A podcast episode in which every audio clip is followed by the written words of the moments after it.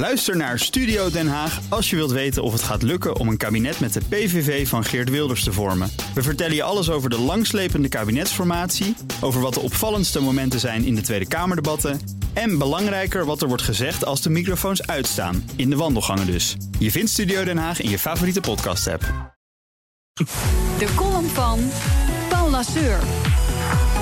Op heel wat verjaardagsfeestjes dit weekend was het ongetwijfeld onderwerp van gesprek. De koers van de bitcoin. Die schoot vorige week door de 5000 dollar. Grote kans dus dat er een dik tevreden oom of neefje op de bank zat... tussen de verjaarsvisite die zijn inleg binnen een paar weken heeft verdubbeld... en daar gretig over opschept. Helemaal de bink. Het kan altijd nog beter, want dit jaar is de waarde van de virtuele munt vervijfvoudigd. Geen wonder dat bitcoins of een van die andere 1200 cryptocurrencies... steeds populairder worden bij Nederlandse beleggers. En dat er steeds meer apps komen en tussenpersoontjes... die het wel heel makkelijk maken om een gokje te wagen...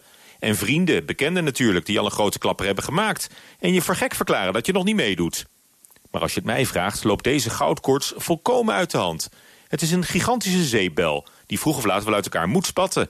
Het heeft alle kenmerken van een piramidespel. Degenen die er al in zitten maken gigantische winsten... ten koste van de sukkels die achteraan komen. Iedereen ziet het gebeuren. Dit is te mooi om waar te zijn. En toch is het oorverdovend stil bij toezichthouders en beleidsmakers... die doorgaans echt niet te beroerd zijn om alles wat neigt naar beleggen... streng te reguleren en te strooien met financiële bijsluiters. Pas op, de waarde van uw belegging kan fluctueren. U kunt uw inleg kwijtraken. Het risico van dit product is hoog. Maar nee hoor, niets van het alles. Nu het er echt toe doet, kijkt de AFM de andere kant op. Bitcoin-pooiers hebben vrij spel. Vraag niet hoe het kan, maar profiteer ervan. Winnen, winnen, winnen. Google maar eens op bitcoin voor de snelste manier om de munten te kopen. Of een stukje bitcoin, want een hele kost immers meer dan 5000 dollar. Zelfs de Amerikaanse zakenbank Goldman Sachs, de masters of the universe... kijkt hoe ze klanten kan helpen bij het handelen in de munten.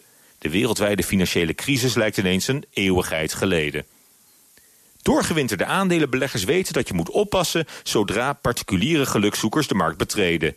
Wanneer de taxichauffeur over aandelen begint te praten... weten professionals dat ze moeten uitstappen. Want niet zo gevaarlijk als een hype. En bitcoin is een rage. Volgens onderzoeksbureau Kantar TNS is het aantal beleggers in digitale munten in Nederland... de afgelopen 12 maanden verdubbeld tot 135.000. Nog veel meer huishoudens denken erover na.